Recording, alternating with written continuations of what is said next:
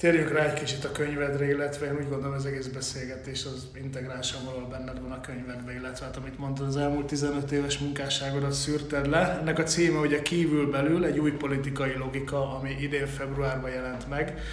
Most már így nagyjából kezdtél belemenni, hogy ugye te szerinted nem munkás és tőkés van, és a többi, és a többi, hanem hogy egy kívül-belül logika szerint osztott föl a, a hát alapvetően mondom, ez azért mégiscsak nyugati társadalmakat Mit jelent ez, hogy, hogy valaki kívül van, vagy valaki belül van? Egyébként szerencsé, pont jókor kérdezed, mert ugye ahol befejeztük az előző gondolatot, oda, oda kapcsolatban ezt nagyon jól el lehet mondani. Ugyanis itt arról van szól a történet, hogy hogy ez a folyamat, amit ugye az előbb elcseteltem, ez a, ez a folyamat, hogy a társadalomnak egy jelentős rétegét beintegrálják a társadalomba, még pedig fogyasztóként integrálják be a, társadalomba. Ezzel kapcsolatban látni kell, hogy ez nagyon komolyan helyekhez és területekhez kötődik. Tehát legnagyobb badarság lenne azt állítani, hogy azt mondjuk, hogy a Föld egészén ez a folyamat zajlik. Az is iszonyatos badarság lenne, ha azt mondanánk, hogy akár csak Magyarország egész területén ez a folyamat zajlik.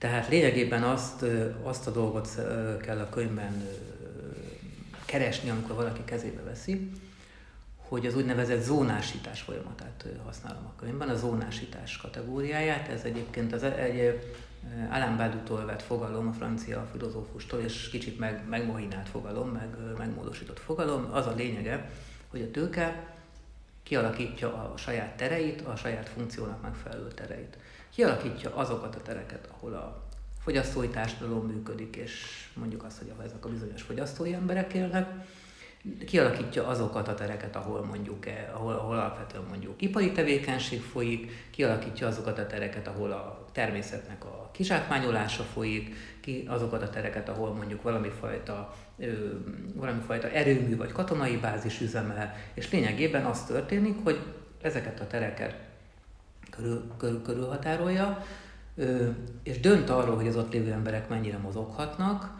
dönt arról, hogy az ott lévő embereknek milyen lehetséges, lehetséges életmódjuk van, mit csinálhatnak. Ugye a legjobb példa, amiről talán sokan hallottak, az ugye, a, az, ugye az a fejlett nyugati társadalmak által meg, megtervelt hulladékoknak a kérdése.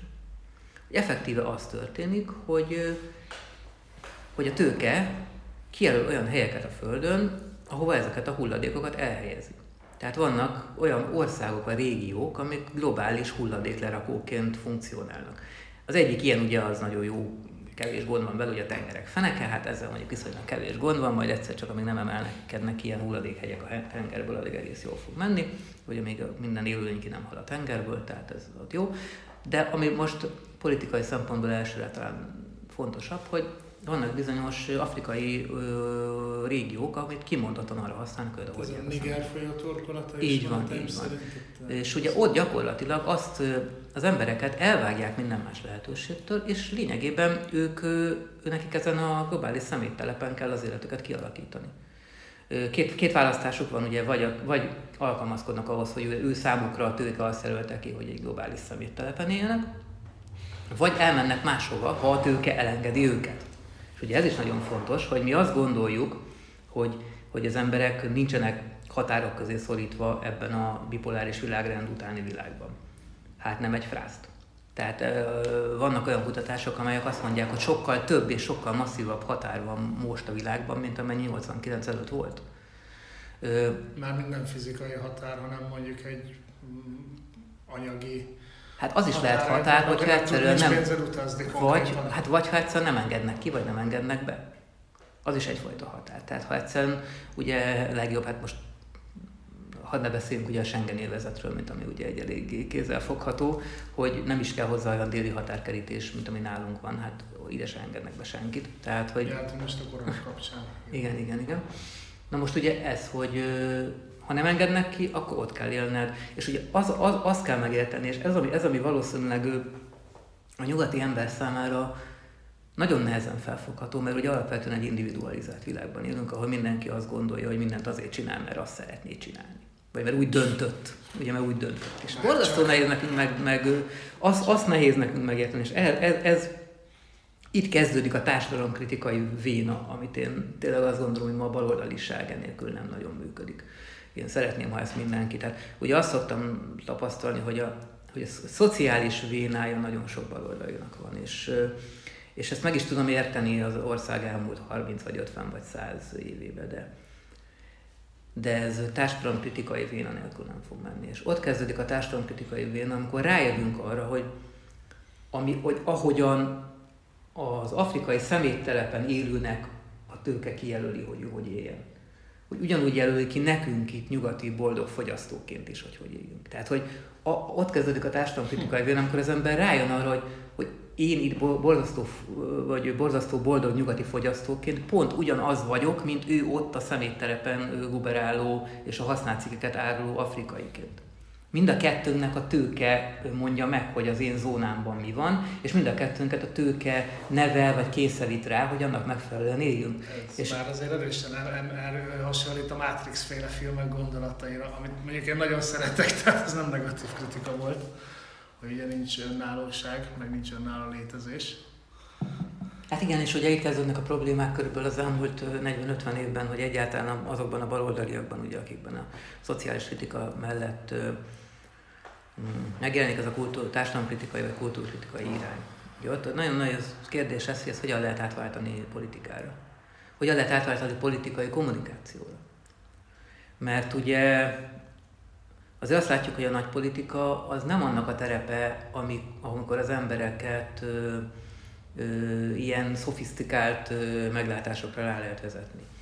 Sőt, igazából ugye azt is látjuk, hogy, hogy olyan, ugye ez az egyik fele, és a másik, ami ráadásul Magyarországon nagyban nehezíti ezt a, ezt a kérdést, hogy, hogy nálunk a társadalom jelentős része számára az igazság az még a szociális kritika.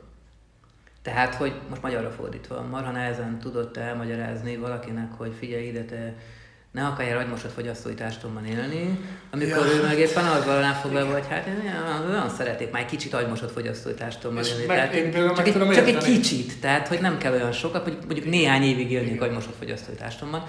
És ugye milyenek a Gordiuszi csomónak az átvágása? Szerintem egyedül az, hogyha a baloldal képes lenne, képes lenne kulturális alternatívát nyújtani. Tehát ha baloldal képes lenne a társadalom tagjai számára fölmutatni olyan életmódot, amelyik nem ez, tehát nem ez az agymosott fogyasztói társadalom, de nem is az a, annak, a, annak, a, annak a hiányából ered, eredő szalélet. Tehát ugye nem csak, tehát magyarán szóval nyilván, tehát bizonyos jövedelmi szint nyilvánvalóan szükséges az emberek számára. Mm.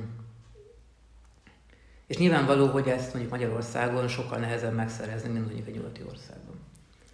Ugye nagyon sokat, sok példát láthattunk arra, hogy azért a 60-as, 70-as, 80-as években a fejlett nyugati társadalmakban sok alternatív mozgalom építette arra a stratégiáját, hogy, hogy a boldog élethez kevés kell, ha nem akarok agymosott fogyasztó lenni, akkor nincs szükségem sokra, és ezt meg lehet szerezni. És és akkor nem kell részt vennem ebbe a történetbe. És ugye nyilvánvalóan sokkal nehezebb abban az országban ezt megteremteni, ahol, hát most nézzük meg például, hogy Magyarországon mennyi, mennyi mondjuk például a, a részmunkaidős munkahelyeknek a száma, vagy ezzel mennyit lehet keresni. Csak ugye azt, közben meg azt láthatjuk, hogy pont azokban a, mi úgy nevezik, hogy harmadik világbeli országokban, mint mondjuk Argentina vagy Brazília, nagyon sokszor az vezetett a baloldal számára igazán nagy, hogy mondjam, igazán nagy felismerés ez, amikor rájött arra, hogy, hogy nem csak az anyagi lehetőségeink direkt növelésével lehet ezen túllépni, hanem hogyha ki tudunk lépni a rendszer által ránk erőltetett individualista keretből. Ugyanis, hogyha az történik, hogy az ember nem csak mondjuk a saját szűk családjában tud gondolkodni, mint egyfajta fogyasztói, meg szolidáris közösségben, hanem mondjuk képes azt mondani, hogy akkor én mondjuk tipikusan ilyen, voltak például olyan szomszédsági mozgalmak, amelyek azt mondták, hogy a, hogy a házban lévő szomszédok álljanak össze. És, és rá fognak jönni arra, hogy hogyha szomszédsági gazdálkodásban gondolkodnak, akkor exponenciálisan le fog menni a, a, a szükséges forrásigényük. Most képzeljünk el azt, hogy mennyire tudna csökkenni, mondjuk ezt ugye bárki át tudja érezni, mondjuk azt mondaná, hogy mondjuk összeköltözne összeköltöznénk három barátunkkal a egymás szomszédságába, és azt mondanánk, hogy a, hogy a, hogy a mosástól kezdve a kajacsináláson át a, a, a ruhatár nagy részéig, vagy a, vagy a gyerekek cipői és a gyerekek által kinőtt ruhák, és folytathatnám, hogy szépen ezt mindig összeegyeztetjük, ki fog jönni, hogy nem fele, sokkal kevesebbre lesz szükség. Effektíve olyan exponenciális, még azt is megtapasztalták ezekben az országokban, hogy volt, hogy egy egész szomszédságnak egyetlen egy kereset elég volt. Ugye általában ezek olyan időben kezdtek kialakulni, amikor ugye nagy volt a munkanélküliség. És rájöttek, hogy korábban nyolc kereset se volt elég amikor ezek a szomszédsági együttműködések létrejöttek, pusztán azért, mert kiléptek az individuális keretekből, egy kereset elég volt. És közben mindenki sokkal boldogabb volt, és persze nyilván ugye itt le kellett ezeket a kérdéseket rendezni, hogy ki hol dolgozzon, és mennyit, és mit csináljon, és, és minden, de ez majd másik kérdés. Na most ugye ez ugye egy olyan modell, ami, ami már is azt lehet rámondani, hogy, hogy akkor egy alternatívája a rendszer által kínált ö, ö, fogyasztói agymosat fogyasztói modellnek. És ugye ott szúrja el szerintem a mai szociális érzékenységben szenvedő baloldal, hogyha megnézed, és nem akarok senkit megbántani, de legtöbbször belecsúsznak egy ilyen kétfarkú kutyapárt szintű narratívába, és nem tudnak más mondani, mint hogy vagy több pénzt, vagy több dolgot ingyen. És ugye ez persze, amikor csak ez a szociális érzékenység van mögötte, akkor abból tényleg nagyon könnyű odájutni, hogy, Semmi más nem kell, csak több pénz.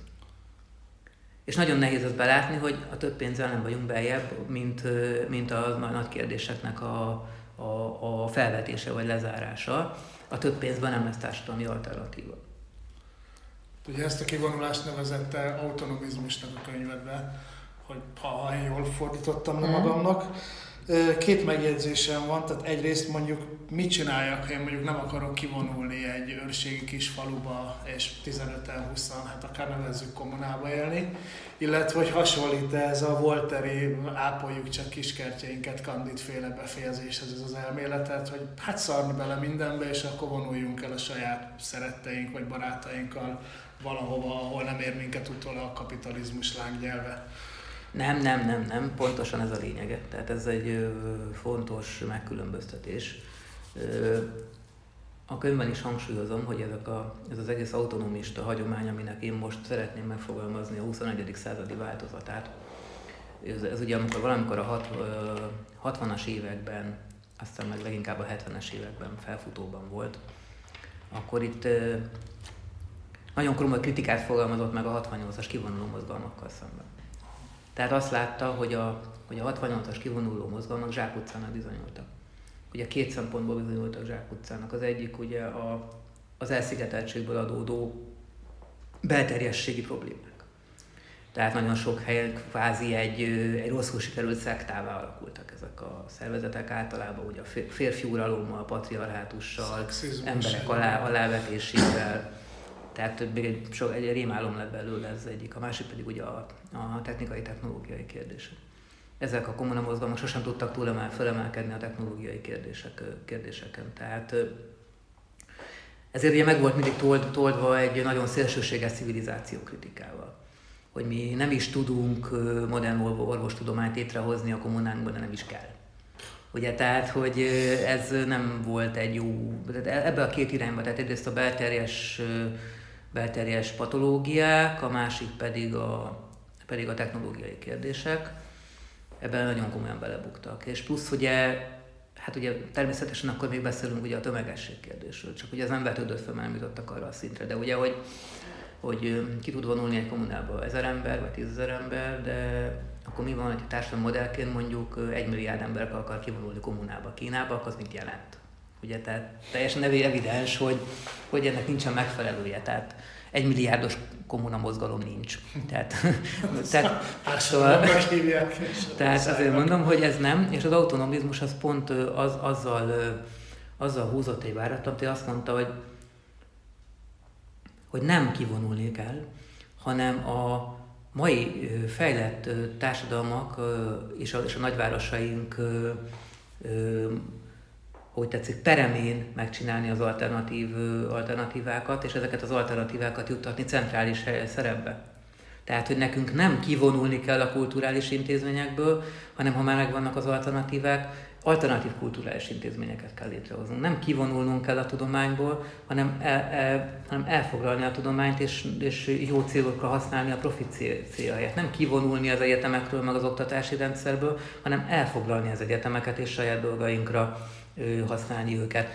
Nem, nem, nem kivonulni egy, egy, ahogy mondod, egy ilyen önellátó kis ö, műveljünk kertjeinket szintre, hanem hanem olyan új gazdaságot hozni létre, amelyik, amelyik ki tudja aztán szorítani a mostani tőkés vállalkozási formákat. Tehát itt nem is nem munkástalácsokról van szó, hanem alternatív gazdaság létrehozásáról. Tehát arról szól a történet, hogy, hogy nem a kivonulás, a centrum elfoglalása az autonomisták számára a cél, de nyilván ehhez ugye először létre kell hozni, aminek a nevében el akarjuk foglalni a centrumot, vagy el akarják foglalni a centrumot, tehát létre kell hozni először azokat a modelleket, amire azt tudjuk mondani, hogy, hogy, hogy ez lenne az, és ez jobban működne, hogyha ez lenne az általános.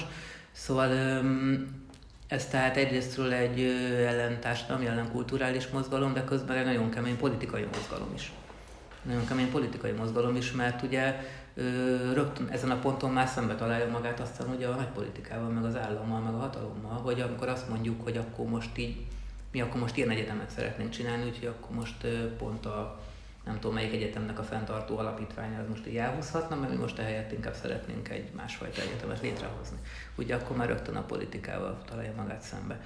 Ö, jó, tehát valójában ugye az autonomizmus, mint a könyvben a, ajánlott megoldás az ilyen lényegében ez lenne, és persze tudom, tudom azt, hogy ez borzasztó idegen a legtöbb magyar, magyarországi, és nem csak magyarországi baloldalinak, az egész, egész politikai kultúrájától. Tehát, hogy amit számára a politika jelentettől, ez borzasztó idegen. És ez nem csak a szociális érzékenység kontra társadalomkör kultúrkritikai érzékenység itt a nagy töréspont, amit valahol váltani kellene, hanem hanem hogy alapvetően a politikai kultúrája a, a legtöbb baloldalinak nagyon keményen a pártokhoz és szakszervezetekhez és, és militáns politikai akciókhoz kötődik. És, és ez is egy nagy kérdés. Tudom, hogy jó helyen mondom, mert ugye itt alapvetően a legtöbb hallgatótok nyilván hasonlóan pártpolitikában gondolkodik, de, de itt az a pártpolitikára is egyfajta rá, rákérdezésről van szó.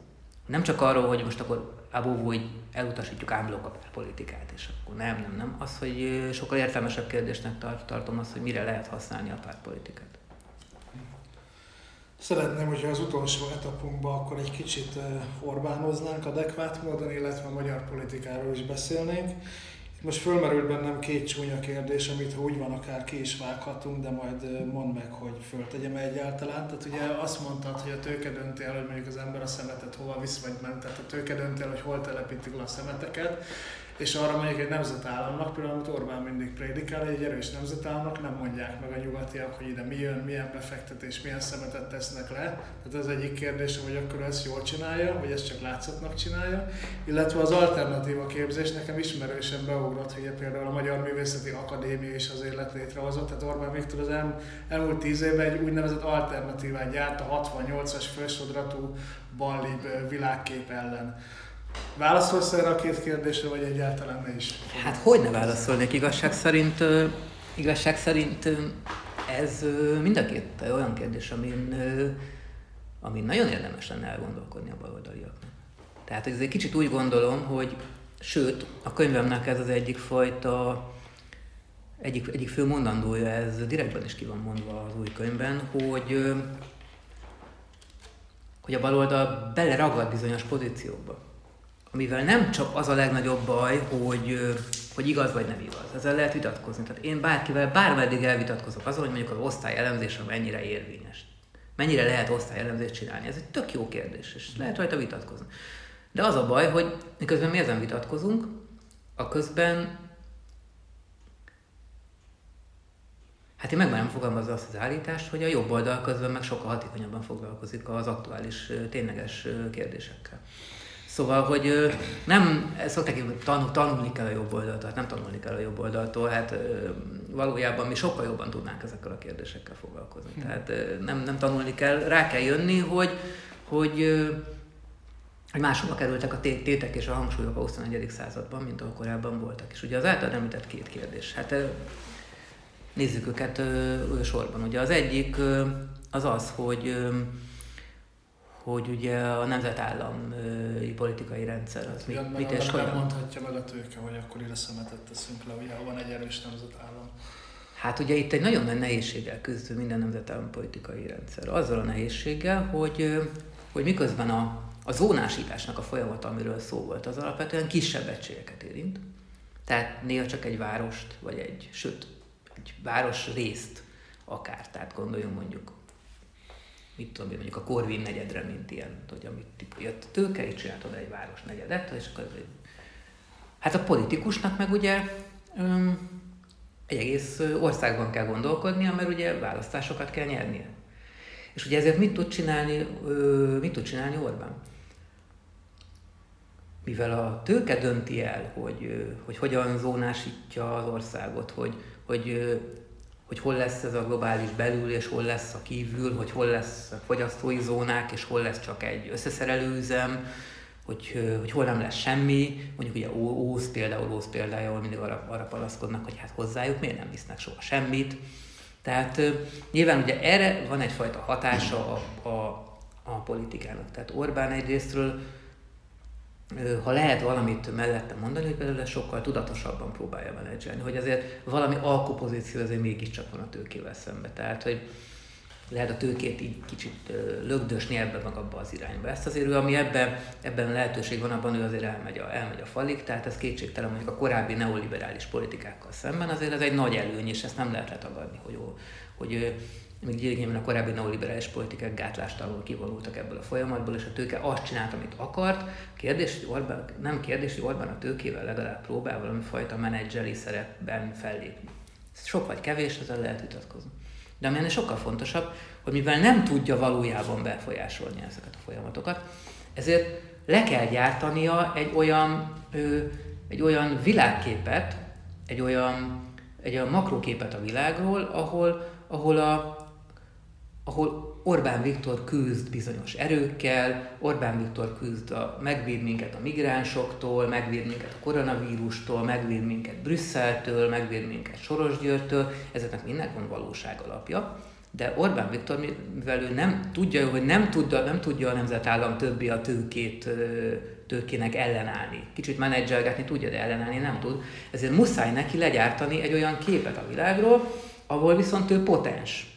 Tehát nem tud a tőkével szembe fellépni, de tud falat emelni a migráns ellen. Nem tud fellépni igazából azok ellen a jelenségek ellen, amik meg a spekulatív tőke jelent a világban, de el tudja zavarni a CEUT. Tehát magyarul olyan, olyan, olyan képet gyárt le a világról, ahol ő potens szereplőként tud fellépni, és ráadásul ugye a kívülbelül politikai logika nevében, ez le van írva a könyvben, ő úgy, úgy kreálja meg ezt a, könyv, a képet, hogy, hogy ő, aki a ő, aki a belülvilágát védelmezi ezekkel a külső dolgokkal szemben. És innentől létrejön egy olyan dolog, ahol, ahol igenis ő az erős, ő a potens, ő, a, ő a, aki, aki ezt megteszi. Ugye legújabban napi, mai napban ugye Orbán Viktor az, aki szerez, szerez vakcinát és megvéd minket a koronavírustól. Még az egész világot zaválja fel a koronavírus, mi itt Magyarországon a határainkon belül meg vagyunk védve a koronavírustól, már hajlandóak vagyunk beoltakozni, ugye ez hozzá téve. Tehát gyakorlatilag mm, ez az egyik fele a történetnek, hogy, hogy egyrésztről Orbán valamennyire próbálja menedzselni a tőkét, amennyire lehet ebben a zónásításban, másrészt pedig, mivel mivel valójában ezzel nincsen igazából erre erő, ereje, és egyik nemzetállamnak sincsen, persze most nyilván vannak különbségek, mondjuk Amerika különbség hozzánk képest, az nyilván azért más lehetőségekkel bír a tőkével való alkodozással, ezért legyárt egy ilyen, egy ilyen képet. Na most ugye itt van ugye a másik kérdésed, amit ugye ugye föltettél, hogy jó, mi is volt a másik kérdés? Hát, hogy Orbán képez folyamatosan alternatívát például a Magyar Művészeti Akadémiával szemben, a, hivatás, a hivatalos tudományjal szemben. Mint te mondtad, hogy a baloldalnak lenne a feladata egy alternatíva képzés, miközben Orbán Viktor képez több szakterületen, egyéb területen alternatívát a hivatalos 68-as fősodratú liberális akadémia, meg STB ellen, művészeti élet ellen, stb. stb. És itt ugye a másik kérdésed, hogy ugye Orbán az, gyakorlatilag pont ezen a kulturális szinten ö, ö, alakítja a, a folyamatokat, mint amiről beszéltünk, tehát pont gyakorlatilag ilyen társadalmi kulturális ö, alternatívát hoz létre.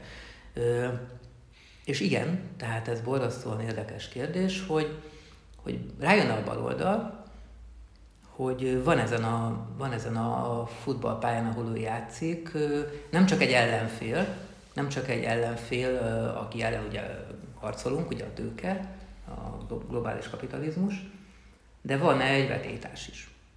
Ez pedig ugye a konzervatív jobboldal, amelyik kvázi hasonló dolgokban gondolkodik, mint amiről itt szó lenne, csak azzal a különbséggel, hogy ő ezt a kulturális alternatívát a, a múltban keresi.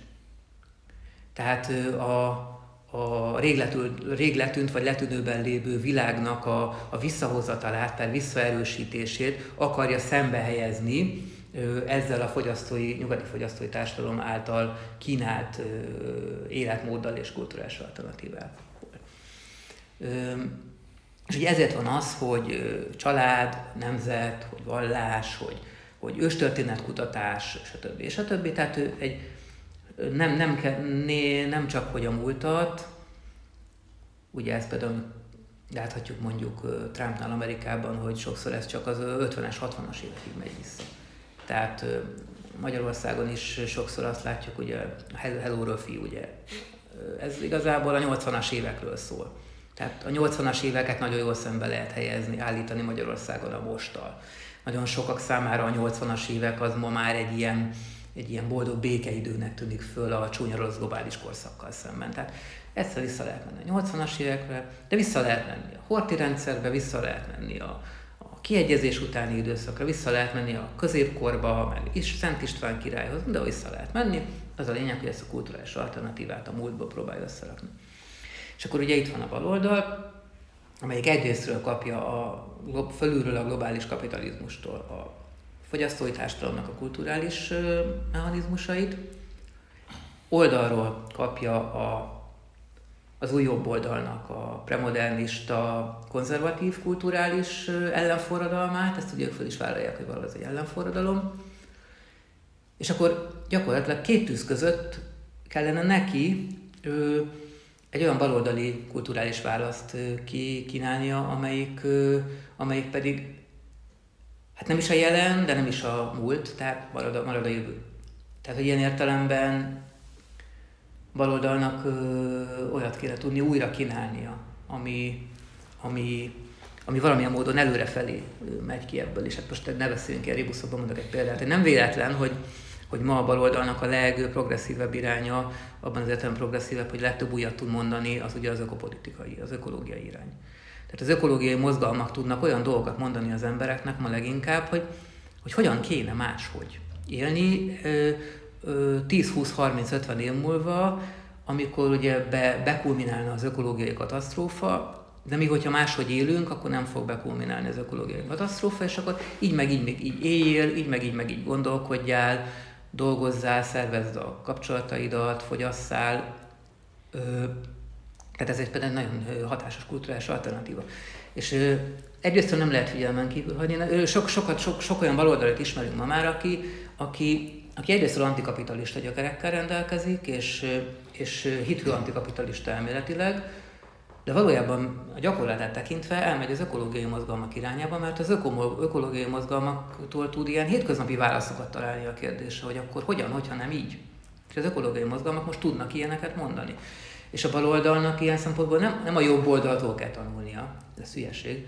Hát ha valaki tanulnia kell, akkor, akkor az ökológiai mozgalmaktól tanulhatna, hogy, hogy egyrészt abból nagyon sok mindent át kéne venni a baloldalnak is, tehát én azt gondolom, hogy a 21. században muszáj az ökológiai dolgokat bevenni a baloldali gondolkodásba, az úgy anélkül nem fog menni. Nem tudunk a jövőről beszélni ökológiai gondolkodás nélkül, de muszáj mellé tenni, és ez lenne a baloldal nagy lehetőség, hogy muszáj mellé tenni egy csomó mást, amelyik az embereknek a hétköznapi kérdéseire válaszol.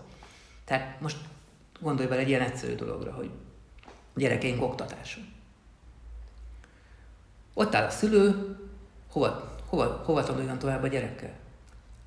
Mit mond neki a rendszer, hogy jó iskolába kell tanulnod, és diplomát szerezned, és tudom én, és, és karriert csinálni, és sokat keresni, és izé. És mit mond erre a baloldal? A baloldal nem, nem tudja megmondani a szülőnek, hogy, hogy te ne ilyen iskolába akard iratni a gyerekedet, hanem ilyenbe, meg ilyenbe, mert ez lesz jó a gyereknek, ez lesz jó a társadalomnak, és nem az a fontos, hogy ő sokat keressen, és mit tudom én, ilyeneket kéne mondani a baloldalnak. Ugye ez, amit az ökológiai mozgalmak se tudnak mondani, mert ők valamennyire azért be vannak a saját ökológiai kérdéseikbe záródva, és a rendszer se tud ilyet mondani, de a jobb oldal sem.